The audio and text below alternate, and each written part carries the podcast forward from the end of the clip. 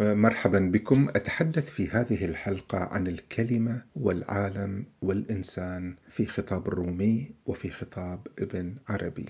هناك فعل كن. نحن نعرف أن هذا الفعل منه كان العالم. كن فيكون. وهناك فعل قريب من كن. هو كنه. كاف نون هاء. كنه. حين نريد أن نسأل عن طبيعة الشيء عن حقيقة الشيء نقول ما كنه هو فكن كن هي تعني حقيقة الشيء تكوين الشيء مما يتكون. ما هي أهم العناصر؟ ما هو جوهره؟ نحن كلنا من جوهر كن. مخلوقات الكلمة والأمر الإلهي. كن هي كلمة فعل أمر. الرومي ماذا يقول؟ يقول الرومي أن السماوات والأرضون كلها كلام. لمن يعقل؟ لمن يدرك؟ يعني الشخص الذي يدرك يعرف أن هذه السماوات وهذه الأرضون كلها كن وجاءت من كن فيكون. فهي كلها صادرة عن الأمر الإلهي. وابن عربي ماذا يقول؟ ابن عربي يقول أن العالم كله تفصيل آدم. كل العالم تفصيل آدم. هذا الكائن هذا الإنسان الصغير حين نفصله حين نكبره حين نوسعه هو هذا العالم. فكل ما في هذا الإنسان أو في آدم هو في العالم. وبعد ذلك يقول وآدم هو الكتاب الجامع. هو الكتاب الجامع لكل الحقائق لكل شيء في هذا العالم. فاذا كلنا نحن في هذا العالم نتاج وهذه يستعملها ابن عربي نتاج الكلمة. نحن أبناء الكلمة نحن مخلوقات الكلمة. فلذلك كلنا كلمات وهذا ما يعطي وحدة الوجود إلى العالم كله. حين نسأل ابن عربي حين نسأل الرومي ماذا تعني وحدة الوجود عندكم؟ سيقولون بكل بساطة والآن أنا أتحدث طبعا بلسان حالهم تعني أننا كلنا كلمات نحن جملة واحدة. الله نطقها وقال كن أيها العالم وكن أيها الإنسان. نحن جملة واحدة في هذا العالم. فنحن هذا هذه هي وحدة الوجود. أن الخالق واحد أننا مخلوقون من كنه واحد من طبيعة واحدة نحن كلمات.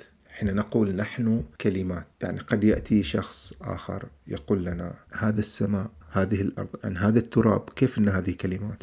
هذه الشهب هذه النيازك هذه هذه السماء المعقدة هذه النجوم هذه الاكتشافات العلمية كلها التي تمت كيف أنت يعني تأتي بكل بساطة وبكل ممكن يقول لك سذاجة وبكل يعني خطاب متحذلق وتقول لي هذه كلمات؟ يعني أنت تلغي كل هذا الشيء. أقول لك التالي إن كنه الاشياء يعني معناها المعنى هو الأهم. قد تمسك أنت حجرا لكن هذا الحجر معناه شيء وتكوينه المادي شيء آخر. قد يتحول هذا الحجر إلى سر قد يتحول إلى ذكرى قد يتحول إلى جزء حميم منك لأن أنت اقتطعته من منطقة معينة. فالحجر ليس فقط بهويته المادية إنما أيضا بمعناه والإنسان هو الذي يعطي المعنى. أعطي مثال آخر. الآن أرجع إلى وحدة الوجود والمثال الذي قدمته سابقا. منتجات أي شركة؟ كشركة مثلا أبل حين يمسك مثلا أحد الاقتصاديين أو أحد رؤساء أمريكا ويقول هذا الآيفون هو رأس مال أمريكا. هذا الآيفون هو إبداع العقلية والمجتمع الأمريكي. حين يمسك هذا الآيفون ويقول هذا هو المستقبل يقول الحرب تقوم على ذلك على هذا الجهاز مثلا. هل هذا يعني هذه الإجابة تتناقض مثلا مع إجابة حين يأتي مهندس من شركة الأبل ويقول لنا هذا الأبل يتكون من كذا وكذا ويعطي تشريحات وتفصيلات نحن لا نستوعبها. هل هذا الكلام غير هذا الكلام؟ طبعا لا. ذاك يتحدث من زاوية علمية متعلقة بالتكوين المادي وذاك يتحدث من زاوية يعني الرئيس مثلا أو السياسي يتحدث من زاوية أيضا علمية ولكن تلحظ جانب آخر تلحظ الجانب الاقتصادي تلحظ جانب المتعلق بالهوية هوية الاقتصاد.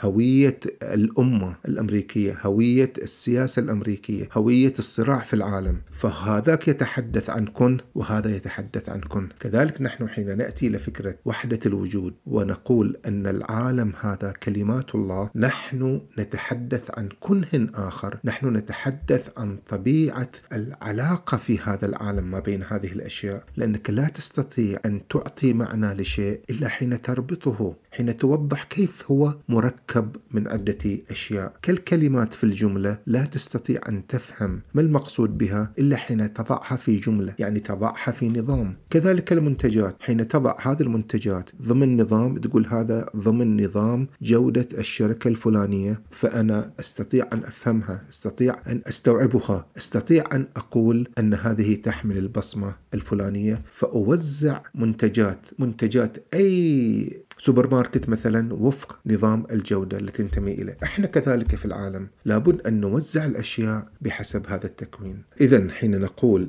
أن هذا العالم هو كلمات الله هذا لا يتعارض وليس هو شيء آخر عن حقائق الكونية التي تتكون منها هذه الأشياء. الآن ماذا يترتب على ذلك؟ يعني حين نقول أن الإنسان كلمة الله ونقول أنه كتاب الله في الأرض ونقول أن السماء والأرض أيضا، ما الذي يترتب على ذلك؟ هل هذا موضوع فقط هو تعبير صوفي أو تعبير مجازي أو صورة أدبية أم أن ذا الموضوع له مترتبات واقعية وحقيقية؟ طبعا يترتب على هذه النظرة آثار في طبيعة الإنسان في إنتاج الإنسان دعونا نرى الخطاب السلفي في هذا الموضوع. الخطاب السلفي يجد أن الله متكلم ولكن حين تقول الله متكلم والله سميع والله بصير والله حي والله قيوم تقول هذه الكلمات وتصمت ليس عليك أن تسأل عن هذه الصفات ليس عليك أن تمثل في هذه الصفات. ليس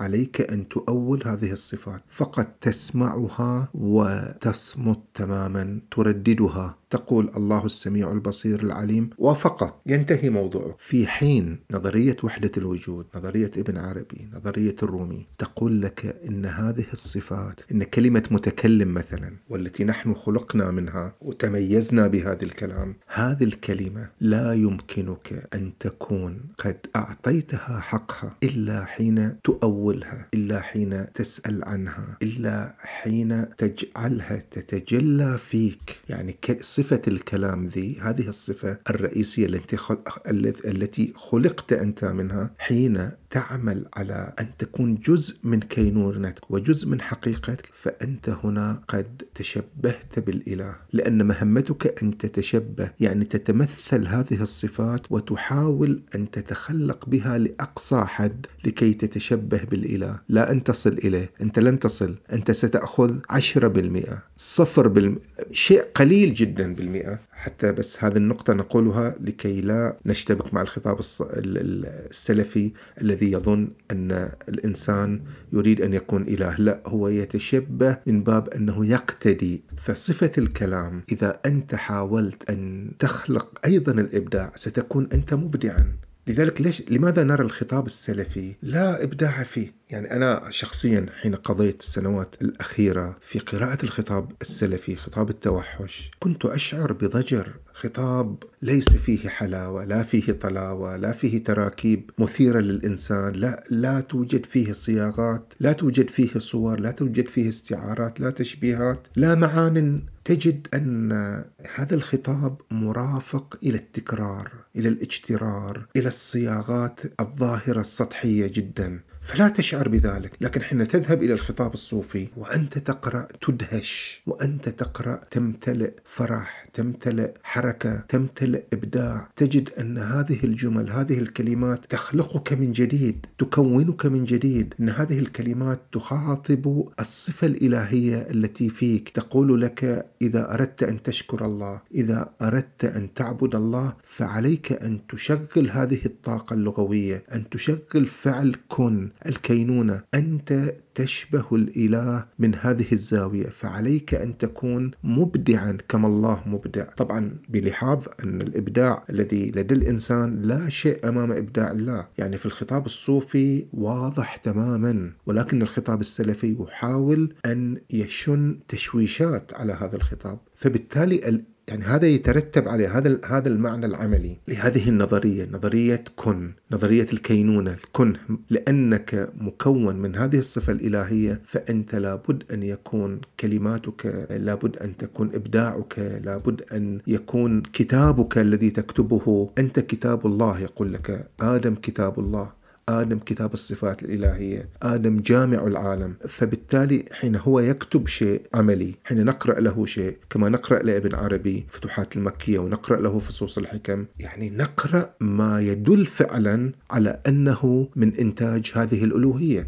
كما نحن حين نستخدم مثلا تليفون آيفون ونقول ما أبدع هذه الشركة اللي جاي منها هذا التليفون. كذلك نقول ما أبدع هذا الكتاب كتاب ابن عربي الذي هو جاء من نظرية وحدة الوجود من نظرية الصفات الإلهية جاء من الألوهية. ما أعظم هذا الإنسان الذي خلقه الله؟ إذا هذا يعني أعظم أثر عملي نجده في إنتاج الإنسان وفي النظر إلى الإنسان وفي ما يعطيه الإنسان في هذه الحياة. فرق كبير بين أن تجد سلفي يتحدث أو يخطب أو يكتب أو يتكلم أو ينتج كتاب بين أن ترى شخص في قامة مثلا ابن عربي أو غير ابن عربي. تجد اللغة تخلق من جديد الكلمات تخلق من جديد تجد الجمل تخلق من جديد. حين تنطلق من هذا الفهم فهم مثل نظرية وحدة الوجود. أنت ترى العالم متخلق ترى العالم مشترك ترى العالم في وحدة واحدة ترى العالم كلمات. فأنت عليك أن تعرب هذه الكلمات. تعرب بمعنى تبين لأن الإعراب هو البيان.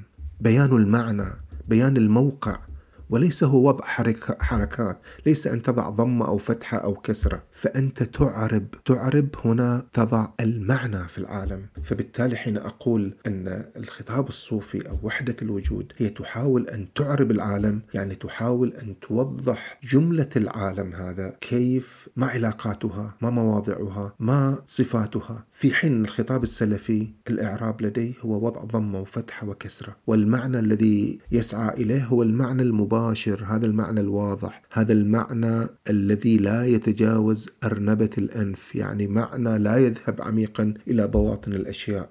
في حين إعراب وحدة الوجود أو الإعراب الذي ينطلق من هذه النظرية هو يرى أن العالم كله امتداد لهذا الإنسان وأن هذا العالم كله تفصيل إلى الصفات الإلهية. فبالتالي هذا العالم جميل هذا الإنسان جميل. علي أن أخلق أيضا أنا الجمال فيه ولا أقوم بعملية تدميره أو قتله. لا, أش... لا أقتل من يختلف معي بل أراه تجل آخر لإبداع الألوهية لأن هذه الألوهية لا تكف عن الإبداع لا تكف عن التجلي لا تكف عن الظهور بمظاهر مختلفة. في حين ذلك الخطاب يحول هذه الكلمات لأصنام وأي شخص يختلف معه يقتله بصورة مباشرة. حتى مفهوم التوحيد يختلف يعني يترتب على فهم نظرية الوجود. كن هي كلمة التوحيد. توحيد كن يعني أنت ترى العالم كله واحدا. يعود إلى صانع واحد إلى خالق واحد.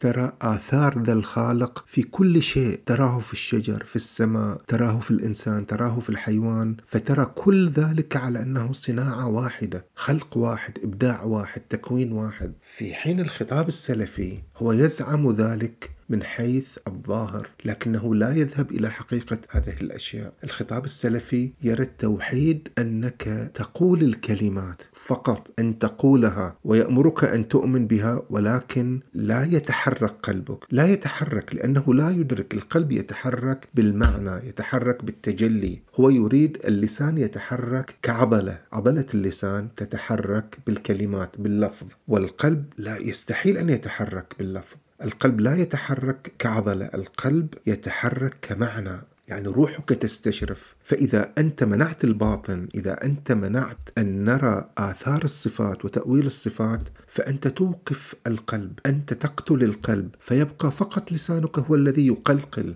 هو الذي يتحرك. فهذا توحيد اللسان لا يصل إلى القلب، القلب لا يمكنك أن تصل إليه إلا بالتجلي، والتجلي لا تصل إليه إلا حين تعتقد أن هذه الكلمات، أن هذه الصفات الإلهية هي طاقة. هي كن هي حقيقة القلب والإنسان فعليه أن يسأل حولها أن يؤولها أن يرى تجلياتها. وأنت في الخطاب السلفي تمنع كل ذلك وتحرم كل ذلك. في حين أن الخطاب خطاب الصوفي يقول يخاطب كما يقول ابن عربي يخاطب الألوهية تخاطب الإنسان تقول له أنت العين المقصودة من هذا العالم. أنت العين. العين أيضا لو نذهب إلى إلى اللغة وإلى الفلسفة العين معناها الحقيقة العين معناها الكلمة العين معناها كنه الشيء. العين معناها نفس الشيء. يعني لما أقول أنت العين المقصودة يعني أنت الحقيقة المقصودة من الكون. يعني أنت الشيء الذي أنا خلقت الكون من أجله. أنت الكلمة والصفة والختم. أنت الإنسان الذي أنا جعلت الصفات الألوهية له لكي تتجلى فيه. لذلك ابن عربي لما يقول أن آدم هو الكتاب الجامع. الجامع لهذه الصفات.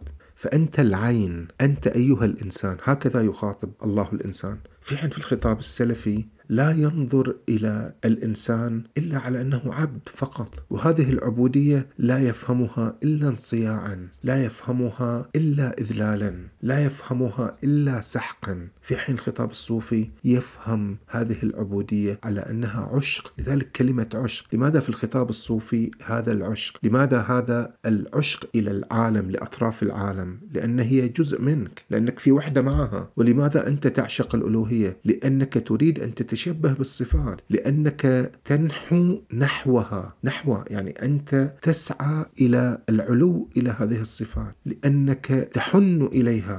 لأن كلك وحدة كيان واحد حقيقة واحدة كن واحد كن. فأنت العين المقصودة من هذا العالم. فأنا خلقتك وأنا أقصدك. أنت المقصود هو المعنى. أنت العين المقصودة. المعنى كله فيك. أنت ختم كما يقول ابن عربي. ختم. لاحظ الختم فيه الجمال. الختم فيه السر. الختم فيه الكن. لأنه يحمل حقيقة الشيء. فختم الألوهية هو الإنسان هو آدم. فكيف أنت تريد أن تتعامل معه؟ تعطل طاقته على الكلام تعطل طاقته في التجلي تعطل طاقته في السؤال تعطل طاقته في التأويل. فهذا هو قتل إلى كينونته. فهذا ما يفعله الخطاب الصوفي أنه بدل أن يفجر حروف الكينونة فيك ويجعلك تنثرها في العالم يقتلها. يفجرك أشلاء بدل أن يفجر ما فيك من طاقة إبداع. شكرا جزيلا لكم.